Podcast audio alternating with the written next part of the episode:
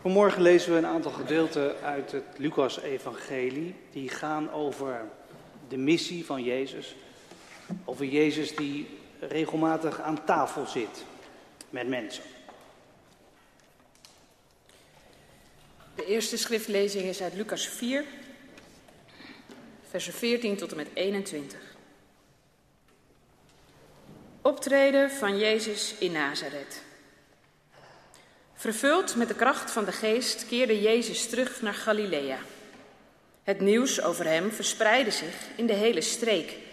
Hij gaf de mensen onderricht in hun synagogen en werd door allen geprezen. Hij kwam ook in Nazareth, waar hij was opgegroeid.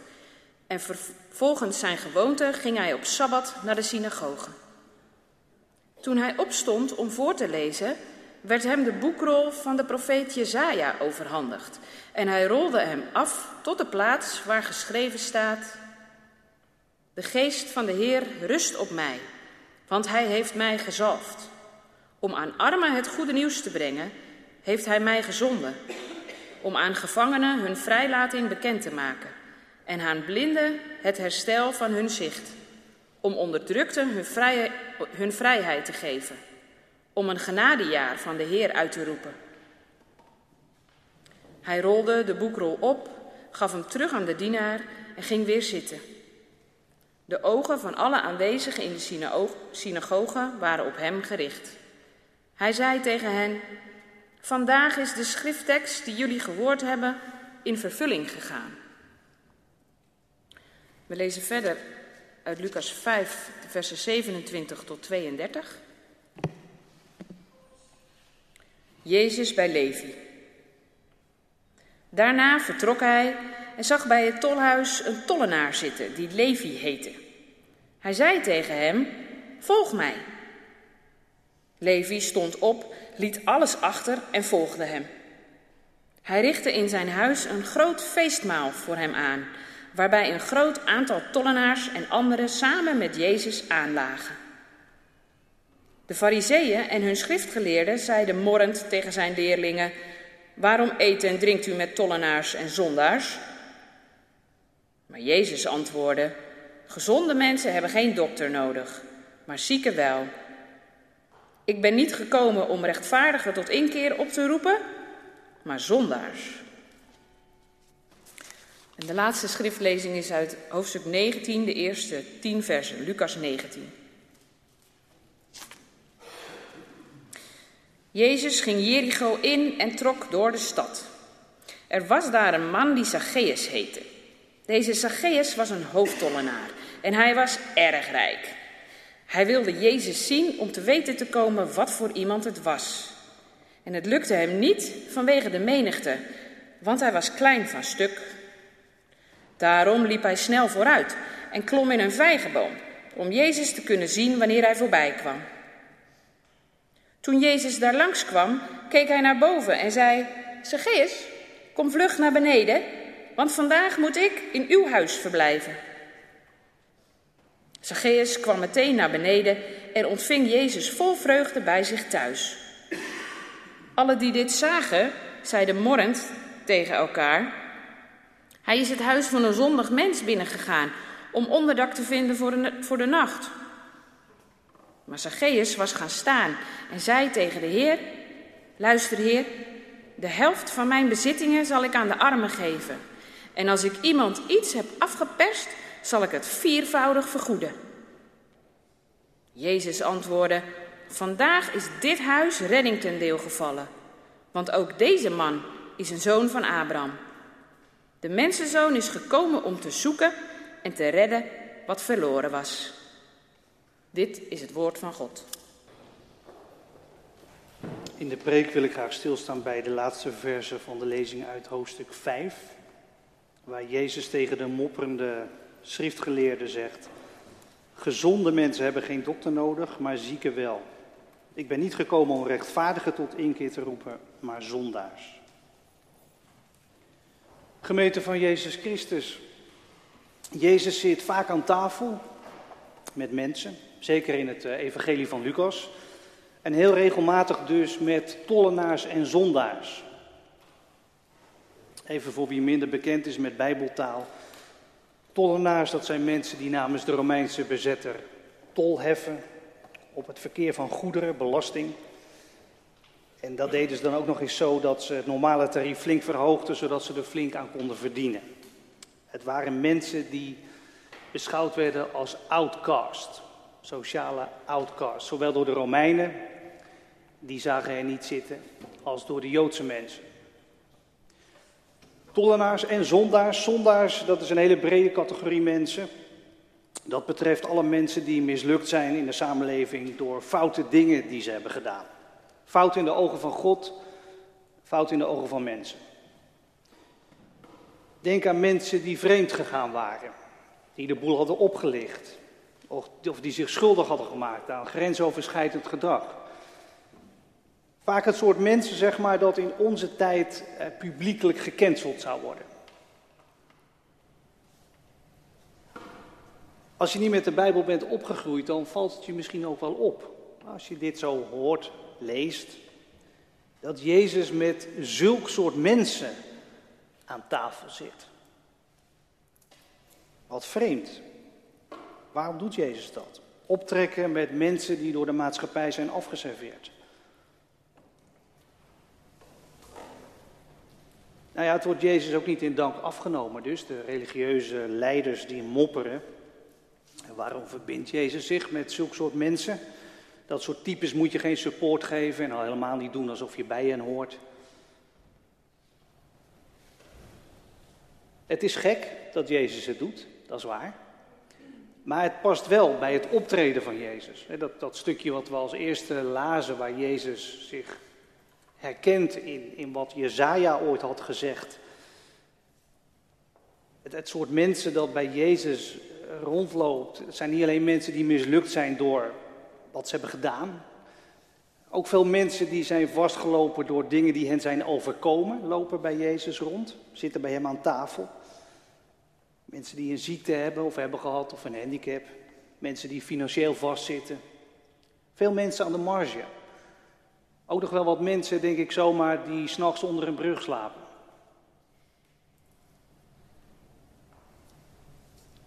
Ik moet zeggen, ik vind die maaltijdverhalen waar Jezus dan zo aan tafel zit altijd wel intrigerend. Ze, ze zuigen je naar binnen als hoorder, als lezer. En dat is ook precies waar Bijbelverhalen voor bedoeld zijn. Ze nodigen je uit om binnen te stappen en je af te vragen: met wie zou ik me identificeren? Je stapt zo'n verhaal binnen en je vraagt je af, wat vind ik hiervan? Wat vind ik van Jezus? Wat vind ik van de mensen die bij hem aan tafel zitten? Kijk, doorgewinterde kerkmensen die hebben dit soort verhalen zo vaak gehoord dat ze meestal automatisch, zonder diep na te denken, zichzelf identificeren met de sociaal gewenste groep. Ik bedoel niet door de maatschappij gewenst, maar de groep waarvan je weet, daar moet ik bij willen horen. dus ik bedoel doorgewinterde kerkmensen die identificeren zich direct met de good guys in het verhaal. De bad guys, dat zijn de mopperende schriftgeleerden en de fariseeën, de theologen, die willen niet bij Jezus horen. Eh, zij, de kerkmensen identificeren zich direct met de mensen die wel bij Jezus willen horen. De foute mensen die niet geslaagd zijn in het leven. Maar ik wil je vandaag eigenlijk vragen, zeker als jij zelf een doorgewittend kerkmens bent, um, of je dit nog eens wilt heroverwegen. Die identificatie met de good guys, die dus eigenlijk fout zijn. Denk er nog eens eventjes goed over na of jij je wel echt wilt identificeren met tollenaars, zondaars, armen, mislukte, vastgelopen mensen. Ik denk dat er twee redenen zijn die zouden kunnen maken dat je bij nader inzien toch niet eh, bij Jezus aan tafel wilt zitten. De eerste reden dat, dat betreft de consequenties. En de tweede reden betreft het soort mensen dat je aantreft bij Jezus aan tafel. Eerst even de consequenties. Het is natuurlijk fijn en mooi om bij Jezus te mogen horen, om straks het avondmaal te vieren bij de tafel van Jezus, om Gods liefde te ervaren en zijn vergeving en zijn steun, om je gezien te weten door God, geaccepteerd. En bij Jezus is iedereen welkom. Wie je ook bent, waar je ook vandaan komt, wat je verleden ook is. En ook als je dingen op je kerfstok hebt, bij Jezus is iedereen welkom. Ook als je jezelf niet geslaagd vindt in het leven. En, en dat is ook wat de kerk moet laten zien. Bij Jezus is iedereen welkom. Een kerk die dat niet laat zien, dat is geen kerk. De kerk is de plek waar je kunt komen zoals je bent. Alleen, en dat moet ook gezegd worden, de kerk is ook de plek waar je niet kunt weggaan zoals je was. De plek waar je kunt komen zoals je bent, maar waar je niet kunt weggaan zoals je was. Kijk maar eens naar wat er gebeurt bij die diners waar Jezus aanwezig is. En neem die Levi, die liet dat hele tollenaarsleven achter zich en begon een nieuw leven. Of neem die Zacchaeus, die bleef zo te zien wel tollenaar, maar die probeerde recht te zetten wat hij kapot had gemaakt. In relaties met mensen en zijn schulden te vereffenen. Er gebeurt iets bij die mensen die bij Jezus aan tafel zijn.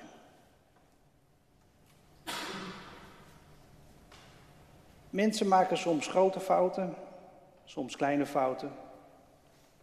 En misschien ben jij wel een heel keurig mens, net als ik. Maar best kans dat onder die laag van keurigheid toch een ego zit. En ik, dat onder alle keurigheid wel heel erg met zichzelf bezig is. En ook wel ten koste leeft van anderen. En dat weet ik niet bij jou natuurlijk, wat er zit onder jouw eventuele keurigheid. Ik weet het wel van mezelf. Maar als je wilt aanschuiven dus vanmorgen bij de tafel van Jezus, en nogmaals, je bent echt welkom. Je bent echt welkom, je mag komen zoals je bent.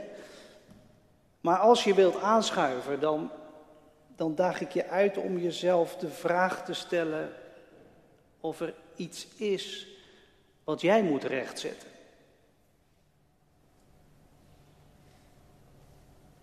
Is er een telefoontje dat je moet plegen komende week of een appje dat je moet sturen? Is er iets op te ruimen in je manier van leven? Of is het nodig om een beetje tijd in je agenda vrij te maken voor andere mensen of voor God? Een beetje tijd om contact te hebben met God? Mensen die aan tafel bij Jezus zitten, die kunnen niet onveranderd verder. Dat gaat niet. Zij ontvangen een heelheid die dingen in gang zet in je leven. Zij ontvangen vergeving, liefde die, die iets teweeg brengt. Er gaat iets gebeuren met je als je dat ontvangt.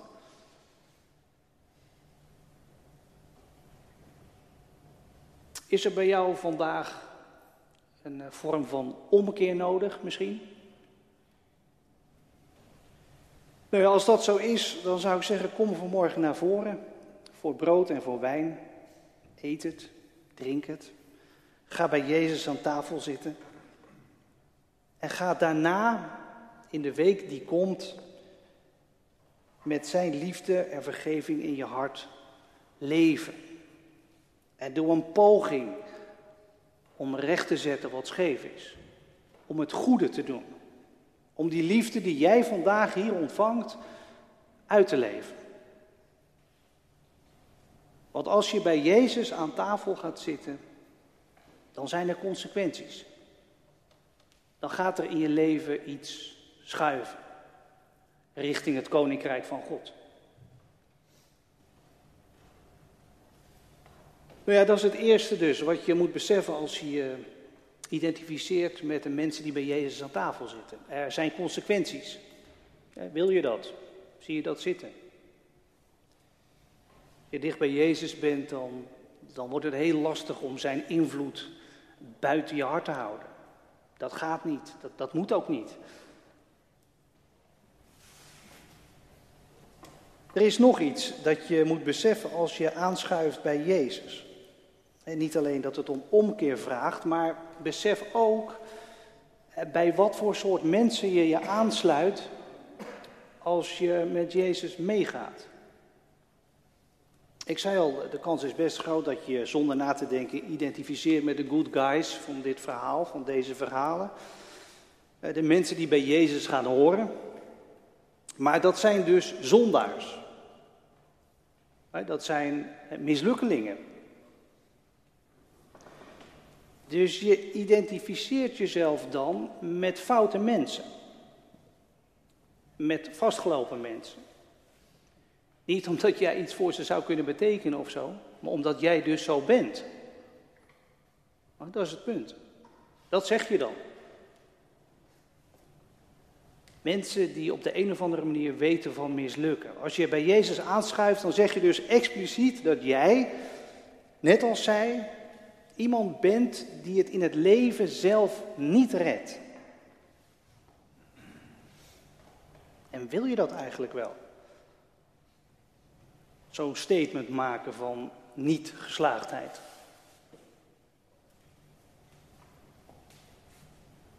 Ik vraag mij soms wel af of, of wij vaak genoeg, als broeders en zusters hier, eh, op die manier naar elkaar kijken. Dat je hier rondkijkt en dat je denkt, kijk nou eens. Allemaal sukkelaars in het geloof. Een kerk vol met mensen die het zelf dus niet redden. Mensen die denken, ik heb redding nodig. Of kijken wij meer naar elkaar, als we rondkijken, moet je zien wat een geslaagde mensen allemaal.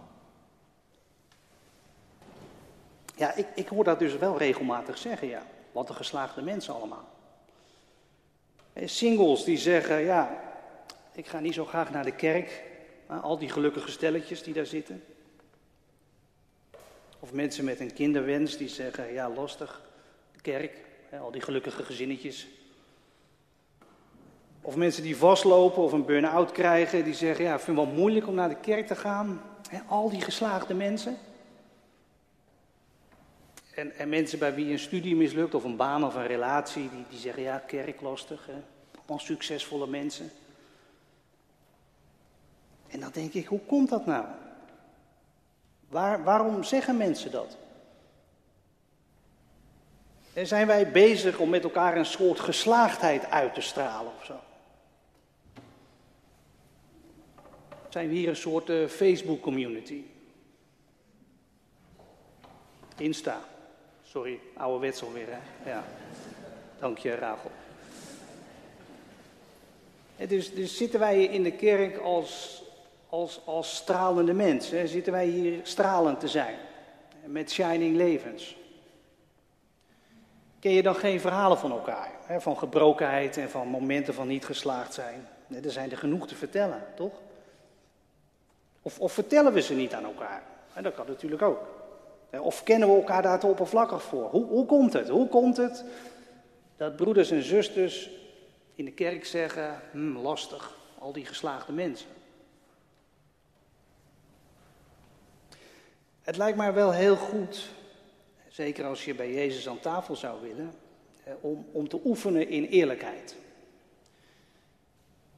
En de verhalen te vertellen die echt zijn. Ook de verhalen waar geen succes in te zien is dus. Weet je, het bevrijdt je ook van een hele diepe vorm van eenzaamheid.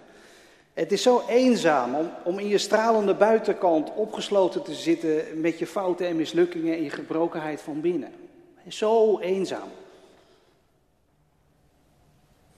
Vertel elkaar gerust van je zonden, van je wonden, als je bij Jezus hoort, ja, dan, dan is dat ook gewoon een statement over wie je zelf bent. Een mens met successen, maar een mens die ook heel veel gebrokenheid kent en mislukkingen. Ja, en er zijn ook wel plekken, dat weet ik ook wel, waar dit ook echt gebeurt. Ik hoor het bijvoorbeeld wel over bijbelkringen waar mensen dit doen. Elkaar vertellen wat er scheef zit of wat er mislukt is. Dus ja, als je niet op een kring zit, ik zou zeggen, overweeg dat eens serieus. En dat kan nou een plek zijn dat je elkaar beter leert kennen en hoort hoe levens zijn. Dat je verder komt dan de buitenkant. Ja, en verder, misschien moeten wij onszelf ook gewoon oefenen in realistisch kijken. Kijk niet alleen naar de buitenkant. Dus straks, hè, kijk dan eens om je heen als al die mensen opstaan voor, voor brood en voor wijn. En dat dan eten en drinken. Besef dan dat al die mensen die je ziet staan, die je ziet lopen, dat al die mensen dus allemaal op hun eigen manier hetzelfde statement maken. Zonder Jezus ga ik het niet redden. Of ik heb Jezus vergeving nodig, vandaag in mijn leven. Ik heb zijn heelheid nodig. Of ik heb een steun in de rug nodig voor mijn wiebelende geloof. Of, of ik heb zijn liefde nu nodig om overeind te blijven. Zulke statements. Kijk goed om je heen straks en kijk verder dan de buitenkant. Je ziet een lange rij van tafelgenoten van Jezus die hun niet-geslaagdheid demonstreren. Ongeacht of ze in het leven nou successen hebben gehad of niet, dat is niet zo relevant. en het is, het is ook zo'n opluchting toch, als je, als je hier gewoon bent zoals je echt bent, in de kerk. Aan de tafel van Jezus hoef je ook helemaal niet mooier voor te doen. God kent je toch wel. Hier komt Jezus naar je toe en geeft jou zichzelf, geeft jou zijn leven. En zijn leven verandert je. Elke dag weer. Het leven van Jezus, dat voedt jou als brood. En het verwarmt je als wijn. Het loopt door je aderen als bloed en het raakt je hart. En het gaat je handen sturen en je voeten en je mond. De kerk, dat is de plek waar je kunt komen zoals je bent. Maar de kerk is ook de plek waar je niet kunt weggaan zoals je was. Amen.